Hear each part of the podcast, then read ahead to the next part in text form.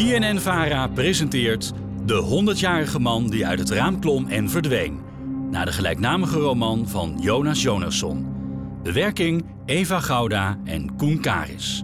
Deel 7.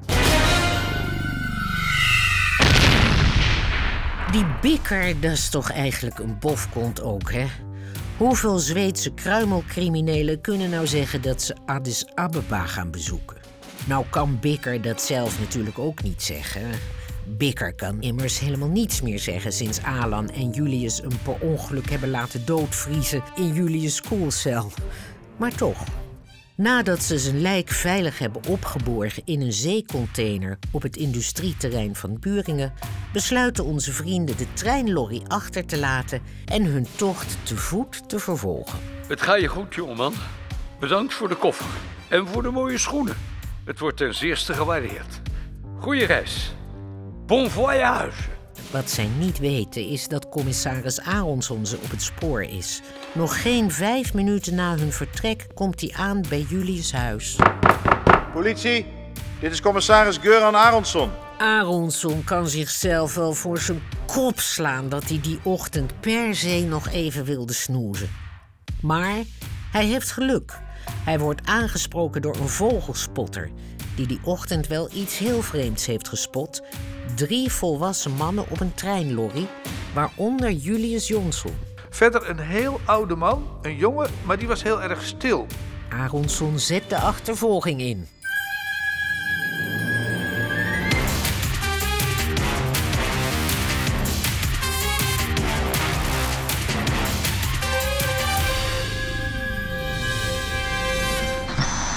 De Buringse Bossen, 2005.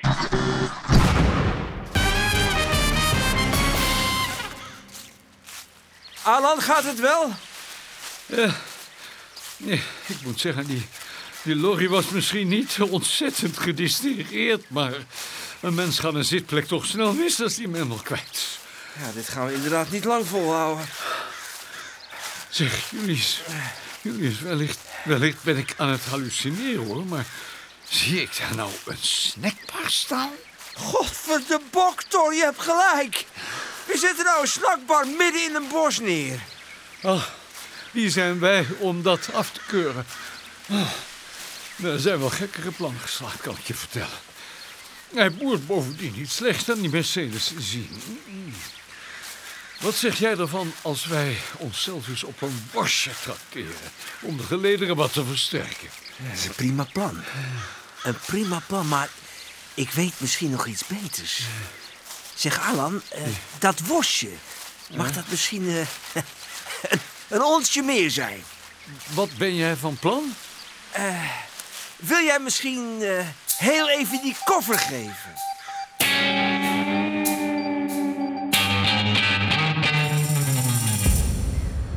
Hallo? Volk? Wat moet u daar? Eh, dag meneer, commissaris Aronsson. Heeft u toevallig eerder vandaag een paar mannen langs zien komen? Een paar mannen? Hoezo? Nou, misschien op het terrein of... eh, Maar wat maakt u dat uit? Ah, nou kijk, het zit zo... Eh, Björn, wat is er aan de hand? Nou, Boor, deze gozer hier is hele vreemde vragen aan het stellen. Heel vreemde vragen over mannen en zo. Luister heren, is hier iemand anders met wie ik kan praten? Iemand die misschien iets gezien heeft? Hey, als u zo graag graven wil, dan kunt u eens met Benny gaan praten. Oh ja, Benny. Dat is misschien meer uw soort man, hè? Benny? Welke Benny? Wie, eh, wie is Benny? Dat is de eigenaar van de snackbar verderop. Dat is een vreemde vogel hoor. Bang van zijn eigen schaduw. Bang van elke schaduw. Maar misschien heb je iets gezien.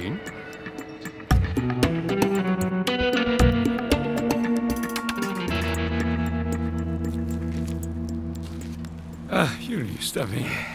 Misschien wil je me nou toch heel even uitleggen wat je nou precies van plan bent. Alan, dit is Benny. Benny Alan Carlson. Goedemiddag. Ja, goedemiddag, Benny. Julius, wat is er allemaal aan de hand en vooral waar blijft mijn worstje? Eh, Benny hier runt deze snackbar. Ah, Benny, dat worstje. Of preciezer gezegd, Benny runde deze snackbar. Benny heeft mij namelijk zojuist, naast dit blikje Fanta, ook zijn Mercedes verkocht. Met zichzelf erbij. Is dat zo, Benny? Ik, eh, ik denk het. Kijk aan. En wat mag een Benny kosten tegenwoordig? Ja, 100.000 kronen. Ik dacht, eh, jij kan niet veel verder meer lopen, Alan. Dit leek mij een goede oplossing.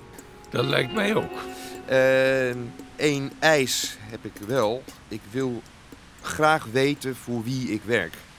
Eh, Julius hier heeft me al over zichzelf verteld, maar van u ja, weet ik nog niks, meneer Carlson. Maar over mij valt niet zoveel te vertellen. Dat lijkt me pertinent onwaar. Maar als u erop staat, Nou ja, eh, de grote lijnen dan misschien. de grote lijnen. Nou, uitstekend. Eh, eens even zien, Julius. Waar waren we ook alweer gebleven? Spanje toch? Ja? Of nee, nee, wacht. Nee, ik was net uit Spanje vertrokken. Dus ik was op weg naar... Ja, naar Amerika. ja. Ja.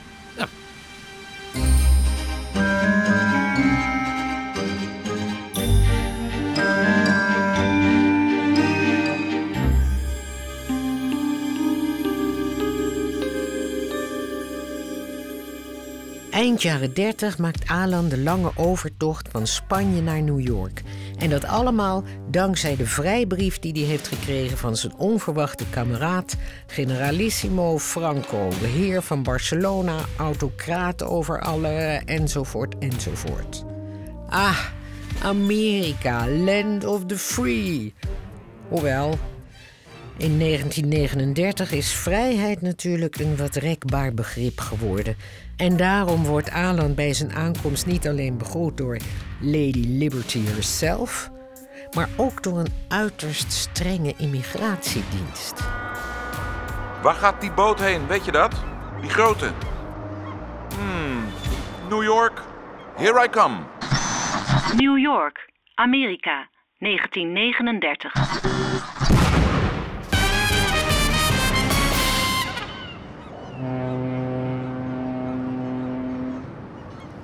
Nou, nou, nou. Wat een druktemakers, die Amerikanen.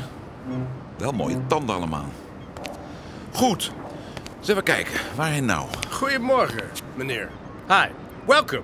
Welcome, welcome. Welkom in ons supergave land. Dank u vriendelijk. Land of the free, home of the brave. Ja, toch? Mijn naam is Agent Archer van de Immigratiedienst. Hi. En ik ben hier om te zorgen dat alles in de bovenste beste banen blijft lopen. Meneer... Carlson. Ah, meneer Carlson. Love it. Oké. Meneer Carlson, eh, als u heel even met mij mee wilt lopen, dan kunnen we gelijk... Waarom? Excuse me? Eh, waarom? Wa- waarom, waarom wat? Waarom moet ik meelopen? Oh, niks. Niks, niks, nothing. Nada. Standard procedure right now for all you crazy Europeans. Dus als u mij nou braaf achterna loopt, Maar dan... waarom? Eh, meneer Carson, gaan wij een probleem hebben? Ik wil gewoon weten waarom. Want u komt wel in ons land, hè? Dat weet ik. Maar, Ja, wij komen niet in uw land. Ja. U komt naar ons toe. ja, maar ik mag toch wel weten waarom ik met u mee moet? Well, not that it's any of your business, maar die bastard van een Mr. Hitler... die is zojuist Polen binnengevallen. Wat? I know. Dus het is weer eens een superoorlog in Europe. Nou, en daar plukken wij van de immigratiedienst de zure vruchten van. Heeft dan niemand iets geleerd van de geschiedenis? De geschiedenis. Jullie hebben geen geschiedenis. De geschiedenis begon op 4 juli 1776, Independence Day. En alles daarvoor was een ongeluk. En nu loopt u onmiddellijk met mij mee.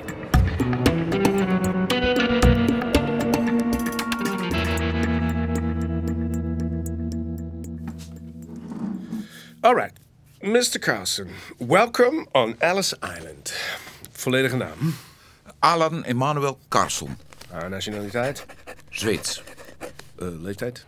34. Mag ik uw papier even zien? Ik heb geen papieren. Excuse me? Ik heb geen papieren. Ik begrijp het niet. Nou, ik heb geen papieren. Maar Nooit gehad. nooit papieren gehad? Nee. Bullshit. Gezondheid. Total goddamn bullshit. Hoe bent u dan Spanje uitgekomen? Ah, een vriend had een briefje voor me geschreven. Dat leek wel te helpen. Een vriend had een briefje geschreven? Ja, ziet u. Ja, ik het ben- is goed met u. Meneer Carson, if that even is your name. U ziet er niet zo heel erg Zweeds uit, wat mij betreft. En wat moet een Zweden eigenlijk in Spanje? Huh? Wat moet een papierloze, illegale Zweden überhaupt in Spanje tijdens een burgeroorlog? Ik blies daar bruggen op. You, you did what? Ik blies daar bruggen op.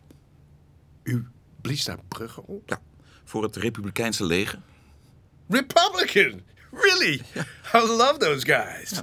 Let me tell you, they're gonna make America great again. Het is een stuk beter dan die aanstellerige democraatjes met die tolerantie van ze. Als u het zegt. D- dus u, u, u bent een, een, een bommenexpert? Ja. Of ja, springstof-expert. Ah, Ja. you don't say. Tja, Mr. Carlson, we kunnen u nu moeilijk terugsturen naar dat shithole, maar zonder papieren kunt u ook niet blijven. God, that's so European om van jullie probleem met onze te maken. Maar misschien weet ik wel iets. Ik moet even wat mensen bellen. Vannacht blijft u hier en don't start any trouble, oké? Ja.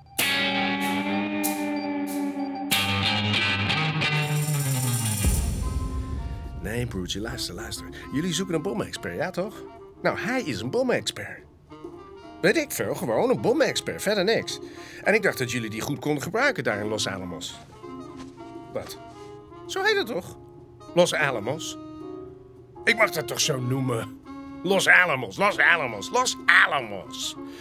Oké, oké, calm down, calm down. It was a joke. It, it's a joke. God damn it, broertje. Ik weet hoe belangrijk het voor je is. Ik weet het. It's your big project. En daarom probeer ik je toch ook gewoon te helpen. I know that he's from Europe. Nee, hij, hij is geen spion. Ik denk echt dat hij jullie kan helpen. En als je hem niet vertrouwt, dan zet je hem toch gewoon eerst in de keuken. Laat hem lekker koffie zetten. Hij hoeft niet gelijk jullie hele bommenprobleem op te lossen. Wat? Dat is het toch? Oké, oké. Joke. Joke, broertje. Oké. Ik stuur hem morgen naar New Mexico, oké? Yeah? Sure. Love you too, man. God bless America. The story began back in 1939 when Albert Einstein wrote a letter to U.S. President Franklin Roosevelt warning him that Germany was engaging in research to split the atom and design an atomic bomb of their own. Roosevelt's response to Einstein was to authorize one of the largest and most secretive operations ever, the Manhattan Project. By 1939, the principle of nuclear fission was known throughout the scientific world. Would Hitler use this knowledge to build a fission bomb? The atomic bomb might already be within reach of the German war machine. Terwijl de mensheid zichzelf voor de tweede keer in nog geen halve eeuw de vernieling inblaast, zit Alan jarenlang op de geheime legerbasis in New Mexico. Daar, achter zeer gesloten deuren, bouwen de beste wetenschappers van de wereld aan een nieuw soort bom. Een bom die zo krachtig is dat niemand hen ooit nog in de weg zal durven staan. Alan maakt bliksemsnel carrière van stagiair koffie tot assistent koffie tot chef koffie. En nog altijd wil die nieuwe bom maar niet lukken daar in Los Alamos. Ik bedoel, daar op die eh, geheime plek. Los Alamos, wie zei Los Alamos? Los Alamos was such a well-kept military secret that people outside the Manhattan Project didn't even know it existed. Residents were forbidden to use the words Los Alamos. Post Office Box 1663, Santa Fe, New Mexico, was the location listed for all Los Alamosans. Los Alamos, New Mexico, 1945.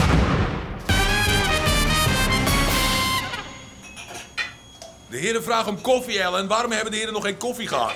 Oppenheimer loopt erbij alsof je elk moment dus hoeven kan storten. En Teller kijkt alsof Oppenheimer net zijn eerstgeborene heeft geofferd. En ik weet niet wat er daar binnen aan de hand is, maar... Ah, die, die, die twee liggen elkaar al jaren niet. Het is water en vuur. Of nee, nou, water en vloeibaar stikstof eigenlijk. Eh, Een hoop rook, maar volmaakt veilig.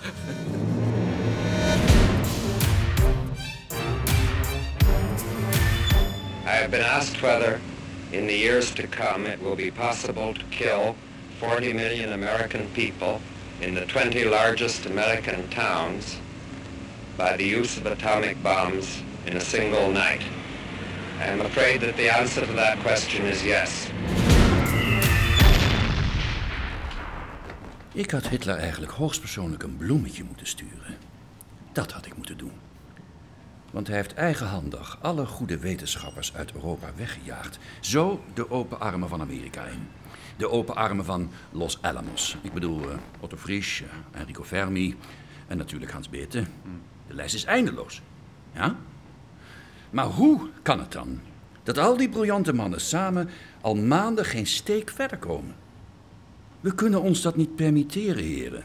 Niet nu. Ik, ik, ik begrijp het niet. Tja, hoe zou dat toch komen? Tella.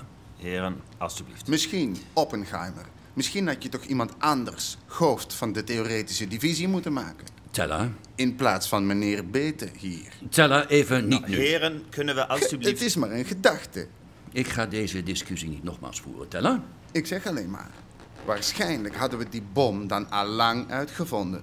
Was Hitler helemaal niet meer in staat geweest om welk bloemetje dan ook aan te nemen. Mijn god, Teller. Kopje koffie, heren. Meneer Oppenheim? Je hebt zeker niks sterkers, of, of, of wel? Helaas niet, meneer. Nou, doe dan maar. Een glaasje brandewijn, dat zou er zeker nu wel ingaan. Of niet soms. Maar ik beloof u, deze koffie is zo sterk, daar springt zelfs uw borsthaar van in de houding. Lekker donutje erbij, meneer? Man, zie je niet dat we hier bezig zijn? Koffie schenken en je mond houden. Uiteraard, meneer Teller. Kom op. Kom op, kom op, kom op, kom op. We weten hoe we de kernreactie tot stand moeten brengen. We hebben het uranium. We kunnen het alleen nog niet onder controle houden. Kom op. Dit is de laatste stap. We zijn zo dichtbij. Als ik niet beter wist, Oppenheimer, dan zou ik bijna denken dat jij je magie aan het verliezen bent. Teller, wil je nu alsjeblieft even ophouden? Meneer Beter, koffie. Ik bedoel, jij staat ons hier een beetje de les te lezen. Maar wat draag jij zelf nou helemaal bij? Ik geef alles voor ons onderzoek, Teller. Dat weet je. Alsjeblieft, meneer Teller, koffie. Toch op met je koffie. Oppenheimer, geef het nou maar toe. Jij zit net zo vast als wij. En hoe moeten we nou verder komen als zelfs ons hoofd niet weet wat hij doet? We hebben het uranium. We hebben de reactie. Alleen de controle missen we nog. Maar hoe controleer je iets dat oncontroleerbaar is? Het voelt alsof het antwoord ons recht in het gezicht staart. Oppenheimer, we hebben het al zo vaak besproken. Er is gewoon geen oplossing. We kunnen de reactie niet controleren. Pardon. Heer. Ik denk dat ik het antwoord weet. Wat? Ik denk dat ik het antwoord weet. Eh, Nee, ik weet het antwoord. Voor jullie ontploffingsprobleem. Wilt u het horen? en, en, en jij bent? Oh, niemand, meneer Oppenheimer.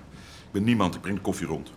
Maar ik hoorde u allemaal zo bevlogen praten. Ik dacht toch dat ik misschien even... Jij dacht dat je misschien even een zaal vol briljante wetenschappers moest onderbreken? Net toen ze op het punt stonden om een doorbraak te bereiken? Een doorbraak. Geloof je het zelf? Even niet nu, Teller. Ja, Nou? zoiets. Ja. Nou, maak jij dan maar even heel snel dat je wegkomt. Zoals u wilt, meneer Oppenheimer. Eh, zal ik de koffiepot maar hier laten? U heeft hem misschien nog nodig straks. Wegwezen. De brutaliteit. Ja. Nou, heren, succes ermee, hè. Eh, ik dacht alleen nog... Waarom delen jullie het uranium niet in twee gelijke delen op? Wat? Nou ja, jullie krijgen je explosie niet onder controle, toch? Maar als jullie het uranium in twee gelijke, niet-kritische delen opsplitsen... die pas op het moment suprem bij elkaar komen... dan ontploft het hele boeltje toch wanneer jullie dat willen. Ja, uiteraard, maar... Kan iemand deze man verwijderen? Wacht, wacht, wacht even, wacht even. Twee gelijke delen? Ja, nou ja, de delen hoeven niet eens gelijk te zijn. Dat merkt u zeer slim op. Als ze bij elkaar maar groot genoeg zijn. Kan iemand alsjeblieft deze man verwijderen? En hoe had meneer de koffiezetter... Ik bedoel, hoe had meneer... Nou ja, eh, sorry, eh, eh, wie ben jij? Nee, niemand?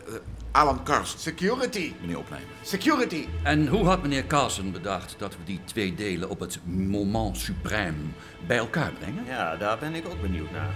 Met een springlading. Moet ik hem zelf van eens even buiten zetten? Een springlading? Want ik doe het hoor, ik kan het, ik kan het zo doen. Het ding is alleen... Doodgewone springlading. Ik heb een beetje last van mijn rug. maar meneer Carlsen, als de oplossing zo simpel was... denkt u niet dat wij die niet al lang gevonden hadden? Een, een springlading, alsof dat... Als, als, alsof, alsof dat... Oppenheimer. Goed, oké. Als niemand anders het wil doen, komt u maar even met mij mee, meneer Klakson. Dan gaan we heel gauw... Tella, Tella, e- even stil nu. Denk na. Als we, als, als we dan, als we met de mate van, dan zou dat ongeveer... Maar, maar dat kan toch niet? Dat, dat kan toch niet zomaar? Maar dat, dat kan wel.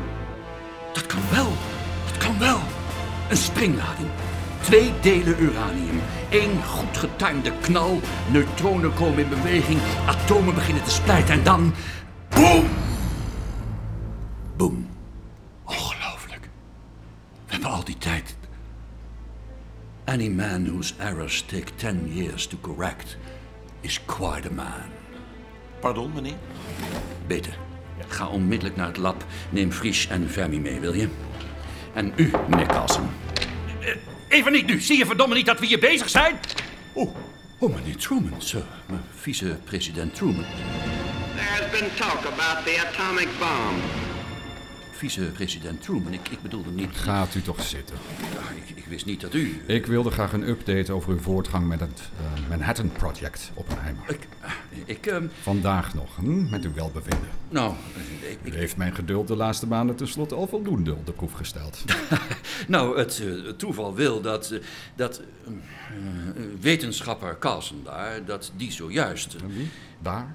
Nou, daar bij, eh, eh, daar bij de koffietrolley. eh, dat die zojuist ons probleem heeft opgelost. Is dat zo? Nee. Wat een prachtig nieuws. Ja, hè? Gefeliciteerd, meneer Carlsen. Dank u, meneer de vicepresident. Uitstekend werk. Eh, Zeg, ik ga zo een hapje eten voor ik naar Washington terugvlieg. Heeft u zin om mij gezelschap te houden? Wat? Wat? Met alle plezier, Truman. Sir. Maar ik moet eigenlijk nog even deze koffieronde afmaken. Dan... Teller? ja? Jij neemt meneer Carlsens koffieronde over. Wat? Maar... Kijk eens, Teller. En netjes vanaf rechts uitserveren. Maar... Volgt u mij, meneer Carlsen? Meneer Oppenheimer, meneer Bette. Dank voor de prettige samenwerking. En nog een fijne dag. Wat de hel is er zojuist gebeurd? Ja, maar maakt het uit. We hebben het opgelost. We hebben het eindelijk opgelost. Zo. nou, nou hebben we wel een kopje koffie verdiend. Hè, Tella? Ah, toch zo ongelooflijk.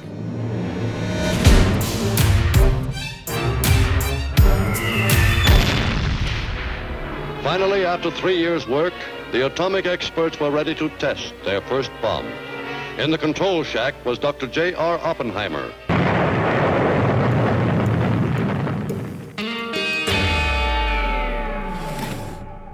En weet u wat ik nou het allerleukste vind aan vicepresident zijn, meneer Carlsen? Al mijn lievelingsrestaurants helemaal voor mij alleen. Senor de vicepresident, heeft u een keuze kunnen maken? Eh, buiten de kaart om hebben wij ook nog... Twee tacos graag. Of doe ik maar drie eigenlijk. De man, uiteraard. Swikkie tortillas, een zootje enchiladas. Oh, en friet, twee bakken. Om mee te beginnen. Si, senor. Uitstekende keuze, meneer. Weet ik. En om het te drinken? Eh, meneer Carlsen? Twee flessen brandewijn. De man, uiteraard. En ook om mee te beginnen. Meneer Carlsen, u bent toch niet van plan om de vicepresident van Amerika onder de tafel te zuipen, hè? Nou, u mag ook melk hoor, als u dat liever heeft.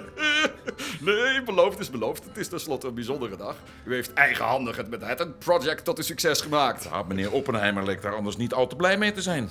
Oppenheimer dankt u straks op zijn blote knietjes. Als hij weet wat goed voor hem is. Als u het zegt. Ah, kijk, daar komt de brandewijn al.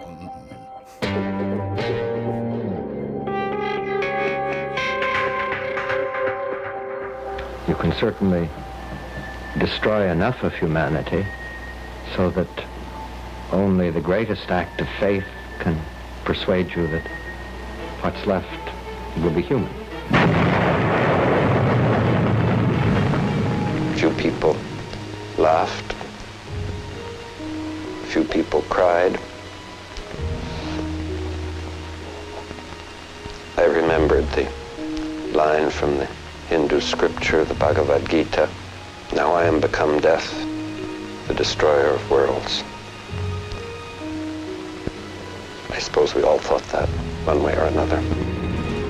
Harry S. Truman, a man to whom many millions of people look for guidance, a man whose responsibilities are today as great and whose influence as far reaching as any other man on earth.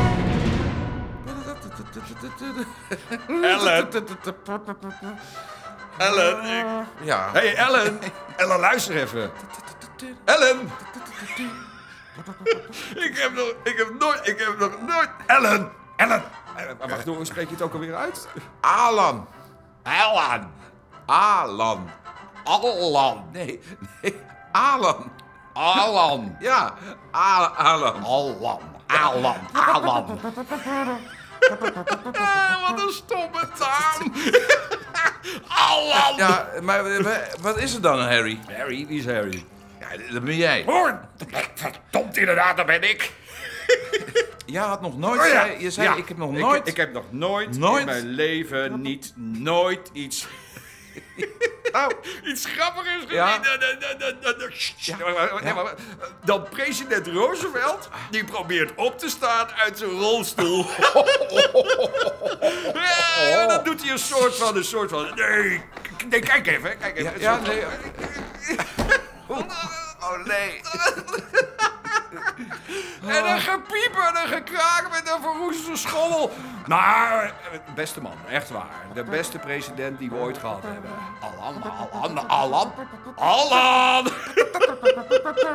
Hé, hey, kastelein, meer brandewijn. Ja, dan sluit het me me aan. Eh, Meneer Truman, sir. wat is er, beste man? Eh, kan ik u even spreken? Spreek! Ehm, sir, het gaat over president Roosevelt. Frankie, wat is er nu weer met die oude bok? Ehm, hij is dood, sir. Over at the White House, the flag is at half-mast. Just 10 minutes to 6 tonight when the news was given to the world. The first reaction among troops was complete disbelief.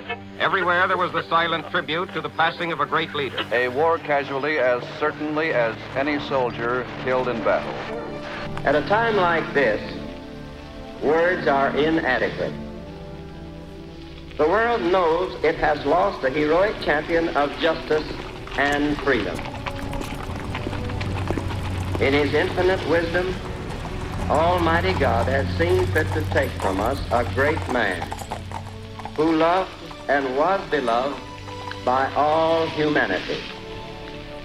Tragic fate has thrust upon us grave responsibility. We must carry on.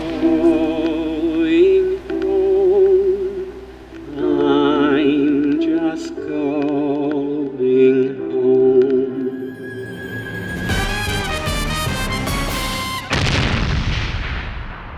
Je hebt geluisterd naar De 100-jarige man die uit het raam klom en verdween van Jonas Jonasson. De werking Eva Gouda en Koen Karis. Je hoorde onder meer Erik van Muiswinkel, Joop Keesmaat, Peter Drost, Kees Scheel, Peter van de Witte, Bob Fosco, Stefan de Wallen, David Lucier, Stefan Rokenbrand, Mike Reus en Raymonde de Kuiper. Techniek Frans de Rond. Regieassistentie Hanneke Hendricks en Lonneke Dort. Sounddesign Jeroen Kuitenbrouwer en Bart Henselmans. Productie Karin van Dis. Regie Wiebeke von Saher, Anne Lichthart en Marlies Cordia, de Hoorspelfabriek. Deze BNN-VARA-productie kwam tot stand dankzij de NPO. Volgende week deel 8. Of luister dagelijks om 5 voor 1 naar de Nieuwsbv.